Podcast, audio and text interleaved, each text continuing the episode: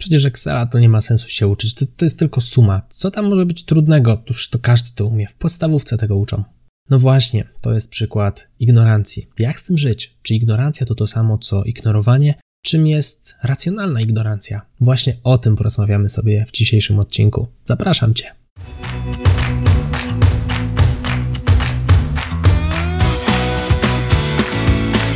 Chcesz przenieść swoją karierę na wyższy poziom? Nieważne, czy pracujesz na etacie, czy jesteś przedsiębiorcą. Świetnie trafiłeś.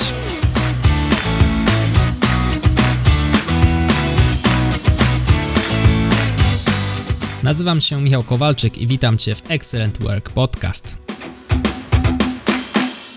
Ignorowanie to nie zwracanie na coś uwagi, to jest coś innego niż ignorancja. Ignorancja to jest brak wiedzy na dany temat i nieświadome lekceważenie możliwości, jaką ta wiedza nam daje. I właśnie to jest przykład, który już usłyszałeś na samym wstępie tego podcastu. Wiele osób które zaczynają przygodę z tym programem, uważają, że nie jest on im do niczego potrzebny. To jest szczególnie powszechne stwierdzenie wśród studentów. Szczególnie często też widać w CV poziom średnio zaawansowany, no i potem taki potencjalny kandydat do pracy na rozmowie kwalifikacyjnej. Niestety, no tego średnio zaawansowanego poziomu nie reprezentuje. Więcej o tym mówiłem w efekcie Krugera-Dunninga, odcinek 58 tego podcastu. No właśnie, ten efekt powoduje, że przeceniamy swoje umiejętności i to jest mocno właśnie związane z tematem ignorancji. Ignorancja powoduje, że wydaje nam się, że wiemy więcej niż realnie wiemy, przez co też chętnie wypowiadamy się na tematy, o których niestety nie mamy pojęcia. Czemu szkodzi posiadanie czy bycie nacechowanym tą ignorancją? Przede wszystkim kompletny ignorant zakłada, że wie wszystko, albo wie tylko to, co jest mu potrzebne, a wszystko inne jest banalnie proste i przecież każdy się rodzi z taką wiedzą. To skłania nas do refleksji nad tym, czy jest sens się uczyć. No bo skoro wiemy wszystko, taki ignorant wie wszystko, to prawdopodobnie nauka dla niego to nie jest coś, co jest konieczne i potrzebne. Tym samym się nie myli, no bo skoro wie wszystko, no to się nie myli. A jeżeli się nie myli, to trudno jest mu wskazać przestrzeń do doskonalenia. Jeżeli popełniliśmy błąd, możemy wdrożyć działania korygujące, no i w przyszłości tego błędu nie popełnić. Natomiast ignorant się po prostu nie myli, więc nie ma czego poprawiać. Ma zamkniętą głowę, ma swoje przekonania i w żaden sposób do tej głowy nie jesteśmy w stanie się dostać. Po prostu nie chce on jej otworzyć.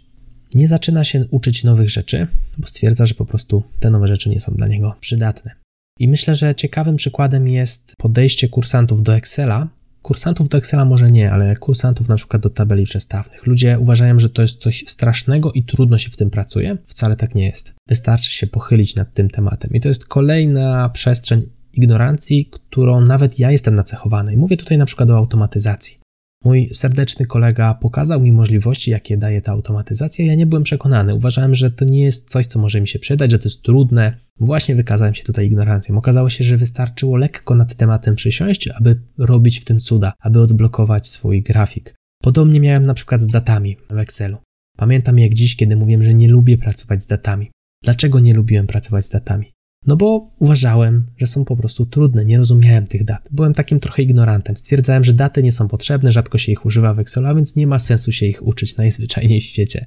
Dopiero jak pochyliłem się nad tym tematem, okazało się, że one są po pierwsze łatwe, a po drugie bardzo przydatne. Wielokrotnie na etacie przydały się w mojej pracy, ale też pomagałem ludziom, którzy byli w miejscu, w którym ja byłem zupełnie niedawno i też tych dat nie rozumieli. Także jeżeli jest jakiś program, jeżeli jest jakaś kompetencja, którą wydaje ci się choć trochę, że warto byłoby mieć, ale stwierdzasz, że w sumie to jest to nudne, niepotrzebne i trudne, być może właśnie w tej sytuacji spowalnia cię ignorancja. Być może właśnie tej kompetencji powinieneś się nauczyć, nad nią pochylić. Dlaczego? No bo skoro nią się interesujesz, a wydaje ci się być trudna albo niepotrzebna, to być może umniejszasz w swoich oczach właśnie tej kompetencji po to, aby nie musieć się jej uczyć, aby nie wychodzić z tej osławionej swojej strefy komfortu. Jest jeszcze coś takiego jak racjonalna ignorancja, czyli to jest pewien mechanizm obronny, który oszczędza nasz czas. Chodzi o to, że nie wszystko musimy wiedzieć, tak normalnie, po ludzku. Nie na wszystkim musimy się znać. Nie musimy wyrażać opinii na każdy temat. Możemy po prostu powiedzieć, że nie wiemy i to jest nic złego. Nie wyjdziemy wtedy na osoby głupie czy niedokształcone.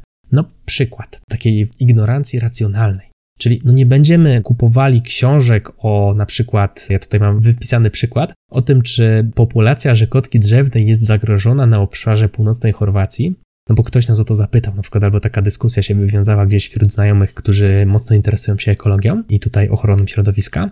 No i nie musimy tego wiedzieć. Nie będziemy kupowali książek i poświęcali czasu na to, aby móc udzielić się w tej dyskusji. To jest właśnie ta racjonalna ignorancja. Powiemy po prostu, że nie wiemy, to nie jest temat, który nas dotyczy i nie chcemy wchodzić w ten temat, i to jest jak najbardziej ok. Można to też odnieść do Excela, dlatego ja nie uczę rodziców Excela, bo jestem w pełni świadom, że im to nie jest do niczego potrzebne. Teraz okazałbym się ignorantem znowu, gdybym im kazał. To działa też w drugą stronę. Także pamiętajmy, wybierajmy to, co jest dla nas interesujące i faktycznie się nad tym pochylajmy, ale nie unikajmy rzeczy, które czujemy, że nam się przydadzą, ale uważamy, że w sumie to my wszystko o tym wiemy. Sprawdźmy to. Nie wiemy, czy wszystko o tym wiemy, nie wiemy, czy to nam się przyda, skoro tego jeszcze nie umiemy.